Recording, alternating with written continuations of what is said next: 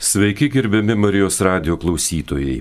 Šiandien rugsėjo 21 dieną Katalikų bažnyčios kalendoriuje minima Švento Mato, apaštalo ir evangelisto šventė. Hebrajiškai Mato vardas reiškia Dievo dovana arba ištikimasis. Fariziejų ir rašto aiškintojų nekenčiamas muitininkas tapo vienu iš kertinių bažnyčios akmenų. Kadangi yra turėjęs reikalų su pinigais, Matas globoja bankininkus, buhalterius, pinigų keitėjus, mokesčių inspektorius, muitininkus, finansininkus, sąskaitininkus ir visus, kurie renka pinigus. Ikonografijoje jis dažniausiai vaizduojamas su plunksna ir pergamentu arba knyga, kartu su savo pagrindiniu atributu - angelu. Ansiškio, anikščių, gintališkių, krakių, Krosnos, Naujameščio, Rokiškio, Stulgių ir Veiviržėnų parapijų bažnyčios tituluotos Šventojo apaštalo evangelisto Mato vardu. Ką mums šiandien reiškia Jėzaus kvietimas sek paskui mane ir apskritai ką mes žinome apie Šventą Matą? Laidoje dalyvauja Šventojo rašto tyrinėtojas kunigas Linas Šipavičius. Garbėsiu Kristum. Per amžius amen. Kuniga Lina kalbinsiu aš, Tomas Ladiga. Iš karto klausiu. Ar yra išlikusių biografinių faktų apie Šventą Matą? Ką Evangelija pagal Matą mums pasako apie patį jos autorių? Gal šventasis matas vaizduojamas kitose Evangelijose ar apaštalų darbuose, kad galėtume susikurti kokį nors jo vaizdą? Autorystė švento mato iš tikrųjų yra sudėtinga, kadangi praktiškai nėra išlikę kažkokių tai platesnių aprašymų apie jo patį asmenį ir gyvenimo istoriją, tačiau istoriškumas yra nekvesionuojamas, kadangi bažnyčios tėvai tiek papijas, tiek Irinėjus, tiek Eusebijus, tiek Origenas ir visi kiti mini jog jau jų laikais buvo parašyta Mato Evangelija. Tačiau labai yra skurdžios žinios pačios Evangelijos. Devintas skyrius mes turime, kuomet yra pašaukimas muitininko Levio, kuris paskui identifikuojamas kitose Evangelijose Mato ir Morkaus, atsiprašau, ir Luko identifikuojasi kaip ir su evangelistu Matu. Tai čia iš tikrųjų reiktų atskirti tokius du e, dalykus.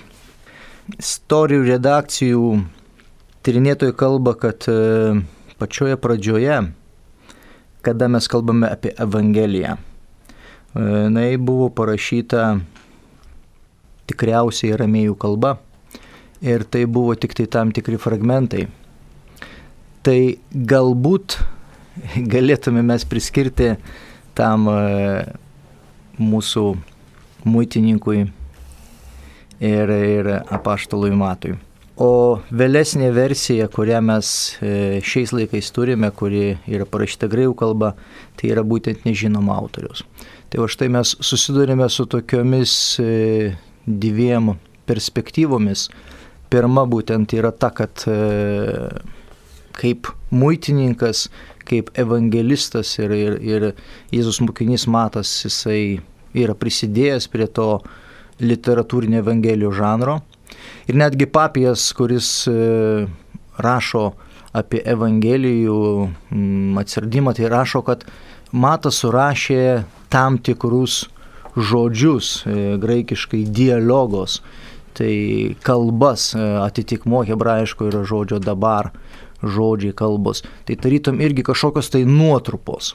Kas įdomiausia, paskui čia buvo mm, mokslininkai netgi paneigė tą, kad, kad e, nes žiūrė, žiūrint į graikišką tekstą, tai galima sakyti, kad e, tai yra parašyta graikų kalba.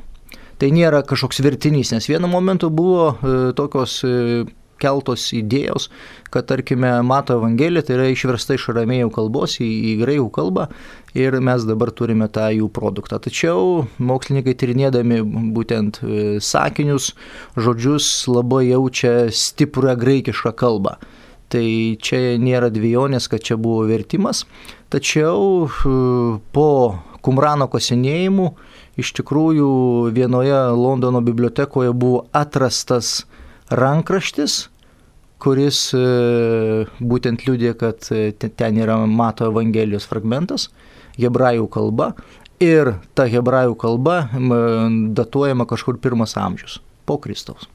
Tai va štai mes turime tokių, tokių įdomių momentų, kad tarkime kažkoksai tai, sakykime, redakcijos, redakcijos dalis buvo hebrajų arba ramėjų kalba, kuri, kuri iki mūsų dienų net, netėjo ir galbūt tai yra to mūsų nuostabaus personažo šios dienos, evangelisto mato arba, arba muitininkų mato.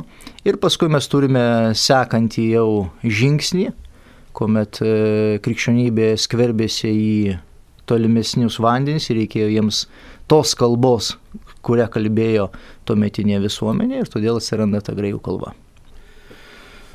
Atvertus Naująjį Testamentą pirmiausia randame Evangeliją pagal Matą. Ar tai reiškia, kad krikščionybės tradicijoje ji svarbiausia, o gal anksčiausiai parašyta? Kas būdinga tik Švento Mato Evangelijai? Anksčiausiai parašyta yra Morkaus Evangelija, datuojama apie 64 metus. E, Matas e, rašydamas Evangeliją jau naudojosi Morkaus e, turiniu, vadinasi, Mato Evangelija yra vėlesnė, kaip antroji. Tačiau būdingumas Mato vis dėlto arba populiarumas visoje bažnyčioje tapo tuo, kad jisai parašė labai konstruktyvę Evangeliją. Įdomu arba charakteringa yra tai, kad, tarkime, Mato Evangelijoje 61 kartą yra cituojamas Senasis testamentas. 20 kartų jisai aplenkė visas kitas evangelijas. Vadinasi, Kartu sudėjus. Jo, vadinasi, 20 kartų jisai cituoja Seną testamentą, kurių citatų nėra nei pas Morkų, nei pas Luką, nei pas Joną. Tai va šitas yra toksai įdomus dalykas. Dar svarbesnis dalykas yra tai, kad pavyzdžiui visos Seno testamento citatos nėra paimtos tiesiogiai iš Seno testamento. Yra tam tikra mokslininkų nuomonė, kad e, visas Naujas testamentas, kuris cituoja Seną testamentą, naudojasi septogintą, vadinasi, graikiškų tekstų, hebrajiškų ne, ne, nesinaudoja. Bet analizuojant, pavyzdžiui, Mato Evangeliją ir, ir paimtas e, Seno testamentas, tas, mes tiesiogiai nerandame nei septogintos, nei, sakykime, masoretų, tai vadinasi, hebrajiško teksto. Ką tai reiškia? Kai kurie tyrinėtojai kalba, kad mato laikais buvo tam tikra katechetinė mokykla. Ir tenai tarytum jau ruošė, sakykime, tuos katechetus, kurie skelbė krikščionybę. Būsimuosius. Būsimuosius katechetus, tikybos mokytojus, suprantat. Ir tuomet e, šitą visos citatos truputėlį jau teologizuojamos, jau įnešama teologija. Ir tarkime, ir dėl to, pavyzdžiui, sakykime, Matas pasakoja, pasakoja, pasakoja, ir pasitoksai, kaip sakoma, atominis e, sakinys dėl to, kad įsipildytų rašto žodžiai. Ir cituoja, žinai, pranašą Izaiją, ar ten Ozėją, ar, sakykime, Iremiją. Bet niekada necituoja tiesiogiai. Tai va čia yra tas jo unikumas. Ir dar vienas labai yra svarbus dalykas. Nuo 11 skyriaus iki 18 skyriaus Matas pašvenčia apaštalų Petrui. Ir ten yra Petras yra centre, ir jisai, sakykime, ir su Jėzumi diskutuoja, ir, ir sakykime, ir, ir visi kiti yra dalykai. Tai čia iš tikrųjų yra, nu, tokia, sakom, atominė bomba. Ar galima teikti, kad savotiška, e, na, Evangelija pagal matą savotiška, e, reiškia, krikščionybės architektūros e, analizė tarsi? Iš vienos pusės taip, tai yra, tai yra sakykime, iš vis mato, pavyzdžiui, Evangelija, jinai parašyta gan įdomiu kampu.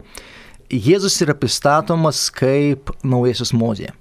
Ir visa ta teologija, visa, sakykime, seka, jinai kalba, kad Jėzus yra kaip naujasis mozė. Žydų istorija, žydų tautoje mozė buvo pats svarbiausias asmo. Nes jisai duoda torą, e, įstatymus penkiaknygę ir netgi mato Evangeliją parašytą pagal penkiaknygę struktūrą. Yra Jėzaus penkios kalbos kurios yra pasakytos. Taigi galime netgi pasakyti, tai pirma kalba yra penktas skyrius nuo trečios eilutės iki septintos skyrius 29 eilutės, Antra yra kalba 10 skyrius 5 eilutė iki 42 eilutės. Trečia kalba yra 13 skyrius nuo 1 iki 52, ketvirta yra 18 skyrius nuo 1 iki 35 ir penkta yra nuo 24 skyrius 1 eilutės iki 25 skyrius 46 eilučių. Tai netgi pati struktūra Evangelijos senai tarytum, nu, galima sakyti, mėgdžioja penkiaknygė arba būtent buvo padaryta, e, sudaryta pagal, pagal Torą, tai dėl to, kad adresatai yra atsivertę žydai gyvenantis Palestinoje. Kuo jūsų manimu Evangelija pagal matą svarbi ir aktuali šiai dienai? Turbūt visų pirma reiktų kalbėti iš vis apie Evangeliją, nes e, aišku, mato Evangelija stovi pačioje pradžioje ir kada mes atverčiame Evangeliją, mums sakoma, užsikabina.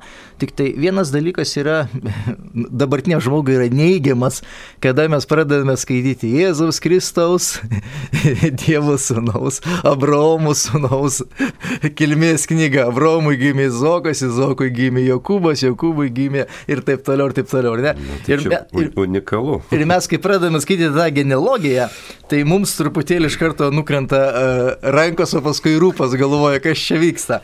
Bet iš tikrųjų tiek Mato Evangelija, tiek visos Evangelijos atsako iš tikrųjų į pagrindinį arba esminį klausimą, kas yra Jėzus. Ir jeigu mes norime sutikti Jėzų arba mes norime sutikti Dievą savo gyvenime ir e, ugdyti tikėjimą, tai mes turime atsiversti Evangeliją. Matas iš tikrųjų gan tikrai konstruktyviai, labai taip aiškiai dėsto tas mintis, iš tikrųjų Jėzų pristato ne tik tai kaip, e, sakykime, Dievo sūnų, bet jisai iš tikrųjų kalba ir apie, apie Mesiją. Ir dar labiau jisai akcentuoja, kad Jėzus yra karalius. O šitos teologinės mintys jos yra tokios labai ryškios, kadangi judaizme ir be Seno testamento sampratoje Mesijas turėjo ateiti iš karališkos giminės ir, ir visi laukė, kad Mesijas, nes Dovydui yra pažadėta antroji Samuelio knygų 7 skyriui, aš pats Dievas per Nataną pranašą sako, kad vieno žodžio iš tavo šakos arba iš tavo atžalos mm, ateis tas, kurio viešpatavimas ir, ir, ir kurio valdžia tvers per amžius. Ir Izraelio tauta būtent tikėjo tuo tiesioginė prasme, kad e, Mesijas turi ateiti iš karališkos giminės. Ir atkreipkime dėmesį, mato Evangelijos pradžioje genealogija, Jėzaus, ne, kilmės knyga, būtent kalba, kad Jėzus yra iš karališkos giminės. Ir kada baigėsi Evangelija, kada pilotas užrašo Jėzaus e, kaltę ant kryžiaus, parašyta Jėzus Nazarėtis, žydų karalius. Taigi pradžioje, pradžioje, kaip sakoma, rėmas, pačioje pradžioje Jėzus yra karalius, ir Evangelijos pabaigoje yra karalius. Bet taip mes suprantame, kad ne dėl to, kad jisai tiesioginė prasme yra Izraelio karalius. Nors pagal Seno testamento teologiją, tai tą seną teologiją, tai Dievas yra tikrasis Izraelio karalius. O tas žemiškasis karalius, tai jisai yra tik tai, sakykime, e, tvarkyti tuos būtinius reikalus. Tai vad, Jėzus atspindi, sakykime, tą vat momentą. Ar galima tvirtinti, kad e, šventasis matas kaip savotiškas mokslininkas remiasi Senojo testamento citatomis, įrodymais, reiškia perimimumu? Net ne tik tai, ne tik tai, sakykime, jisai remiasi Senuoju testamentu, bet jisai, pavyzdžiui, remiasi ir tuo metinę, galima sakyti, tokią tuometinių mokslų, netgi pasaulietinių, kuris, kuris sakykime, nu, buvo tais laikais e, žinomas ir, ir jo žinios yra iš tikrųjų m, tokios tiesioginės. Pavyzdžiui, kada mes kalbame tenai apie tas e, palyginimas 13 skyriuje, pavyzdžiui, apie raugės. Tai ten įdomus dalykas, kad kada Matas tik tai jisai savo Evangelijoje naudoja tą graikišką žodį dzidzanija arba dzidzanijon, raugės, ne iš tikrųjų tai svidrė, jeigu mes verstame į lietuvių kalbą. Girtoklinė svidrė gali būti ir, ir pavyzdžiui, antiek yra gilu, kad kokia ta, kad tai yra svidrė, sakykime, veikimo būdas. Jeigu ten nedaug tu jos užvalgai, jinai tokia pati kaip vietys. Mes jos nematome, mes neatskiriame svidrį nuo, kviečio, bet kada paauga, tada jau mes galime atskirti, kad tai yra pikdžiulė. Bet koks jo veiki, jos veikimo būdas, kada, sakykime, jeigu žmogus nedaug jos e, paragauja, tai jisai apsvaigsta, tai yra kaip e, toksai e, psichotropinis veikimo būdas, o jeigu tu jos daugiau suvalgai, numiršti. Mhm. Tai čia yra perklinė prasme, kaip veikia šetonas. Šitonas būtent e, žmogų apsvaigina, sako, pažiūrėk, sako, kokia nuodėmė yra malonė ar ne, o paskui, kada žmogus padaro nuodėmę, šitonas ją įpalieka. Tai vad, tokių iš tikrųjų perliukų mato Evangelijoje yra labai daug. Ir, ir, ir sakykime, labai daug, aišku, ir arameizmų, ir hebraizmų yra, sakykime, bet ir, ir, ir gražios yra, sakykime, graikų kalbos struktūros. Kalbama apie tarsi senovę, tačiau kokią aktualią žinę šiandieno žmogui perduoda Evangelija pagal matą? Turbūt visas Naujas Testamentas ir Evangelija pagal matą, kuris stovi pirmoje vietoje ir ne kuri tarytum, nu, pirmose eilėse, jinai, jinai nori patraukti tą žmogų ir, ir pasakyti, kad iš tikrųjų Dievas yra visų pirma tas, kuris sukūrė pasaulį, kuris sukūrė dangų ir žemę. Pas ma, mato tik tai Evangelijoje, iš tikrųjų irgi yra tas, va, pavyzdžiui, terminas dangus ir žemė. Tai, tai yra hebrajiškas terminas arba semitinis terminas, galima sakyti, nes graikų mm, pasaulyje tai dangų žemė tai tolygus yra pasauliui graikiškai yra kosmos, o ne pasaulis. E, Mato Evangelija naudoja būtent tą semitinę sampratą, kad pasaulis arba žemė tai yra dangus ir žemė. Tai, sakykime, Mato Evangelija labai aiškiai pristato patį pasaulio kurėją, patį žmogaus kurėją ir aišku paskui kalba apie žmogaus gyvenimo tikslą. Kiekvienas žmogus iš tikrųjų gyvenantis šitą žemišką gyvenimą nori turėti gyvenimo tikslą ir, ir tas, nori, kad tas tikslas būtų prasmingas ir vedantis į amžinybę. Ir mato Evangelija apie tai būtent kalba. Visas testamentas, aišku, apie tai kalba, bet mato Evangelija, kuomet jinai stovi pirmoje vietoje, tai jinai labiausiai prabyla. Kodėl žmogui neužtenka skaityti tik senąjį arba naująjį testamento, reikia abiejų. Gal užtektų tik naujojo testamento, jeigu kalbame apie Jėzų Kristų, arba tik Evangelijų, arba tik mato Evangelijos. Bažnyčia, kuri mm, gyvoja jau 2000 metų, jinai turbūt išbandė visus variantus, kuriuos jūs čia išvardinote, skaitė tik tai Evangeliją, nes tai, tai buvo tiesa. Kuomet atsiranda krikščionybė, tarkime, toje terpėje atsiranda pasakojimas apie Jėzaus Kristaus gyvenimo istoriją, kuri vadinasi Evangelija. Ir ta bendruomenė skaito tik tai tą Evangeliją.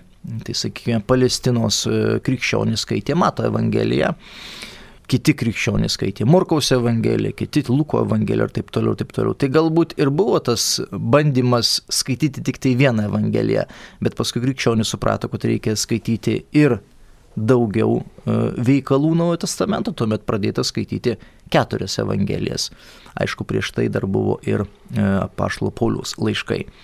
Senas testamentas e, pačioje pradžioje galbūt buvo, jeigu konfrontacija su krikščionybė truputėlį buvo mažiau skaitomas, nors skaitome pavyzdžiui atsiminimus pirmųjų amžių, tai kada švesdavo Euharistiją, tai skaitydavo iš tikrųjų netgi sekmadienį, ne viešpaties dieną, Eucharistijos dieną, netgi irgi Seną testamentą. Tai galbūt vėliau, kuomet buvo konfrontuojama su Izraelio tauta ir truputėlį buvo tokios trintys, tai galbūt tas Senas testamentas buvo truputėlį padėtas į šoną, tačiau vis dėlto citatos Seno testamento jos buvo Naujame testamente ir mes niekur nuo jų negalim pabėgti. Tai va, iš tikrųjų, nu, Senas testamentas tarytum išpildo arba, arba patvirtina, ką Naujame testamente mes skaitome. Tarytum tai yra tikras patvirtinimas, kad, kad Jėzus yra tas išpranašautas e, viešpats, kurio laukia Izraelio tauta tūkstantį metų. Apie pašaukimą, apie švento mato pašaukimą leiskite pacituoti ištrauką iš Mato Evangelijos 9 skyrius 9 eilutė. Iškeliaudamas iš ten, Jėzus pamatė muitinėje sėdinti žmogų vardu Matas ir tarė jam, sek paskui mane. Šis atsikėlė ir nuėjo paskui jį. Taigi vos tik Matas išgirdo, tuo atsistojo, viską paliko ir neatsigręždamas be jokios dviejonės nusekė paskui jį. Švento Mato atsiliepimas ir sėkimas paskui Jėzų kardinaliai pakeitė jo gyvenimą. O kiekvienas žmogus galėtų turbūt irgi kažko pasimokyti iš tokio švento mato laikysenos. Čia irgi yra Morkaus turbūt, ma, ma atsiprašau, mato toksai rašymo žanras, kad mes sutinkame e, pašaukimus apaštalų, mokinių ir štai, pavyzdžiui, muitininkų levio. Ir va tas toksai labai impulsyvus, galėtume sakyti, tas veikimas. Jėzus pasako vieną žodį, nesek paskui mane. Arba lydėk mane galima versti, arba bičiuliauk man, jeigu čia tą graikišką mes žodį verstume. Tiek apaštalams, tiek muitininkui matui pasako ir kokia yra reakcija. Reakcija yra ta, kad žmogus išgirsta Jėzus balsą ir jisai negali dvėjoti, jisai negali atsispirti arba jisai negali pasakyti ne. Jisai eina. Tai vad, Matas nori pabrėžti labai svarbų dalyką kada žmogus išgirsta tą tikrai gyvai Dievo balsą. Jisai negali sakyti Dievui ne. Nes tai yra jo tas gyvenimo troškimas ir galima sakyti, tai yra tas rojus, žemėje rojus, kuris, suprantat, nu, vat, žmogus trokšta rojaus ir va tas rojaus e, prisilietimas prie rojaus tai yra Dievo balsas, kuris šaukia žmogų. Na čia toks visai žmogiškas būtų klausimas. E, kaip jums atrodo, matas išgirdo šaukimą, kvietimą, siūlymą sekti? Na, ar čia Dievas šaukia, ar čia pagunda? Žmogiškos pusės galvojant, matas iš tikrųjų buvo apsirūpinęs gyvenimu, dirbdamas Kafarnamo muitinėje. Kafarnamo muitinė tokia buvo viena iš turtingesnių.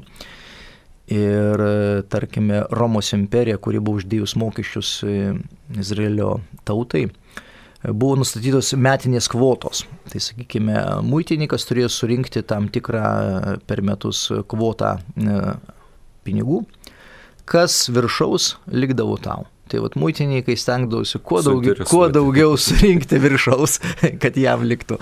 Tai iš vienos pusės jisai tikrai gyveno oriai, tačiau vis dėlto įmatyt patraukė Jėzaus tas e, nepaprastumas ir jį patraukė Jėzaus tikrumas, ką iš tikrųjų kalba kai kurie švento rašto komentatoriai ir jisai būtent e, palieka tas, kas iš tikrųjų jam davė tą materialų saugumą ir jisai eina paskui Jėzų. Iš kitos pusės e, evangelistas nori parodyti, kad e, Jėzus iš tikrųjų kviečia visus tapti jo mokiniais. Ir Izraelio tuomet tautoje buvo tokia nuostata, kad muitininkas tai yra tolygus nusidėjėliui. Jisai, jisai Jeigu tu muitininkas, taip, tu jau nusidėjai. Taip, nes vienu žodžiu tu kolaboruoji su Romos imperijos valdžia, tu vienu žodžiu apsu, ne tai, kad apsukinėjai, bet iš tikrųjų ėmi mokesčius iš savo tautiečių ir taip toliau ir taip toliau. Tai vad, sakykime, Evangelija netgi pastato prieš priešą, kad Jėzui iš tikrųjų svarbus žmogaus vidus. Ir iš tikrųjų čia vis, visa Naujojo testamento teologinė tokia vedamoji mintis, nes judaizme Sename testamente e, žmogus buvo pristatomas iš išorės. Kokie jo yra išorės darbai, kokie yra jo, sakykime, išorės poilgiai. Ir, ne, ir, ir svarbiausia buvo žydui laikytis dievų įsakymų ir įstatymų. Ir viskas. O, o jo, sakykime, dvasinis gyvenimas, ten vidus iš tikrųjų nesikeičia.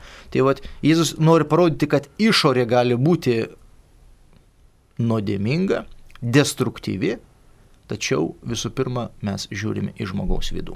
Ir netgi pakviestas muitininkas Matas, e, įdomus dalykas, kad jisai Evangelijoje nepasako ne vieno žodžio. Jisai išgirsta Taip. Ir nueina, viskas, taškas. Tenai kiti, kiti sakykime, pašla dar turi diskusiją, pavyzdžiui, pašlas Petras, jisai čia nuo 11 skyrius iki 18 tenai. Turi pasiteisinimų. Turi pasiteisinimą, nori eiti jisai vandenį, supranti, žinai, kitų, kitų dalykų jisai čia turi. O, o sakykime, o sakykime, matas iš tikrųjų jisai, jisai nieko, jisai išgirsta būtent e, kvietimo ir vienu žodžiu ir vienu žodžiu eina, pažiūrėjau, apie, apie Petrą, tai eina vandeniu, paskui jam duodamas tas primatas, kad e, tu esi Petras Sula, šantos Sulos pasys savo bažnyčią pragaro vartą jos nenugalės.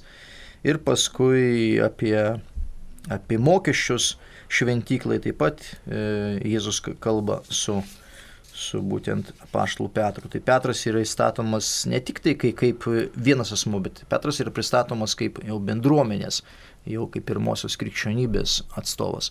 O matas jisai yra tas, kuris išgirsta. Čia vat yra tas labai svarbu. Daryti arba būti kasdienybėje, bet išgirsti Dievo kvietimą, viską palikti ir eiti į kažkokį tai aukštesnį lygmenį. Tai dabar tarsi reabilituojam mūtininko profesiją. E, gerai, kalbėjot apie išorės poelgius, apie išorės statusą ir, ir dvasinį gyvenimą. Aš norėčiau, kad truputėlį dar tęstume šią temą ir kaip jums atrodo, kaip Kristaus sutikimas ir atsiliepimas į jo kvietimą keičia arba galėtų keisti žmogaus gyvenimą, mūsų laikų žmogaus gyvenimą. Tikrasis Kristaus prisilietimas prie žmogaus gyvenimo arba kvietimas tai iš tikrųjų keičia žmogaus gyvenimą. Pavyzdžiui, mes turime nuostabų pasakojimą apie Zachiejų. Čia jau kalba Evangelija pagal Luką 18 skyrius. Kada, kada Zachiejus nori pamatyti Jėzų, ką jisai daro, jis užlipa ant medžio. Ir ten irgi labai įdomus dalykas. Jisai, mūsų vertimas pasakęs, užlipo ant į šilkmedį. Bet šilkmedis iš tikrųjų jisai neturi tokios prasmės, ką turi graikiškas tekstas. Graikiškas tekstas yra sikomoros. Sikomoros tai yra laukinė figa. Laukinė figa tai yra, kuris sulaukėjus ir kuri jau neduoda vaisių. Tai vad, sakykime, parodomas Zachijus irgi yra muitininkas, tarp kitko. Prasmė. Taip, e, Zachijus irgi yra muitininkas ir muitininkų viršininkas arba didžiūnas verčiasi, ne? Supranti, tai evangelis parodo, koks jo yra gyvenimas jo gyvenimas yra kaip ta sulaukėjusi figa, kuri neduoda vaisių, nes jisai dar nėra susitikęs Kristaus. Kada jisai pamato Kristų, Ir iš tikrųjų Kristus jį pamato pirmas. Sako, Zachėjau, lip greit žemyn. Aš pas tave turiu šiandien valgyti, ne? Aš atėjau čia. Taip. Ir tada, supranti, Zachėjus greitai nulipa, paruošia vakarienę ir ateina Kristus. Ir ką Zachėjus sako? Pusę atiduodu e, vargšams, O jeigu ką nuskriaudžiau, atlyginsiu keturgubai. Ir čia va irgi įdomus tas dalykas. Už ką reikėdavo atlyginti keturgubai? Tai čia yra už didžiausią vagystę. Ir didžiausia vagystė buvo, jeigu žmogus pavogė iš kito žmogus jauti. Jeigu tu pavogi jauti, tu turi duoti keturis jaučius. Jeigu tu pavogi aviną, tu turi duoti du avinus. Jeigu tu pavogi ošką, tu turi duoti dvi oškas. Tai čia, sakykime, tas Zachėjus sako, turiu atiduoti, galiu atiduoti keturgubai. Tai vad, kada susitikimas yra su gyvu Jėzumi Kristumi, žmogus iš tikrųjų visiškai atsiveria Dievo maloniai, iš kitos pusės jam tuomet tas e, materialinis gerbuvis jisai nestovi pirmoje vietoje. Pirmoje vietoje yra būtent gyvasis Kristus, kuris iš tikrųjų pirmas ateina. Pažiūrėkime, ir pas Matą atėjo pirmas, ir pas Zachėjų atėjo pirmas. Nu, sakykime, Zachėjus buvo įlipęs į figą. Kągi, mūsų laida jau baigėsi.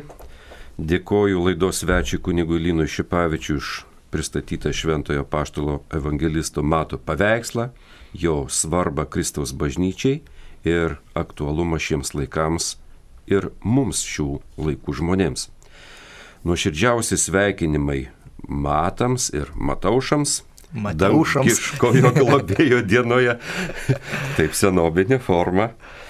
Taigi laidą vedžiau aš, Tomas Ladiga, visiems uh, sekantiems Jėzų, džiugiaus ir prasmingos, pilnos Dievo malonių dienos su Die. Te laiminu vis Dievas.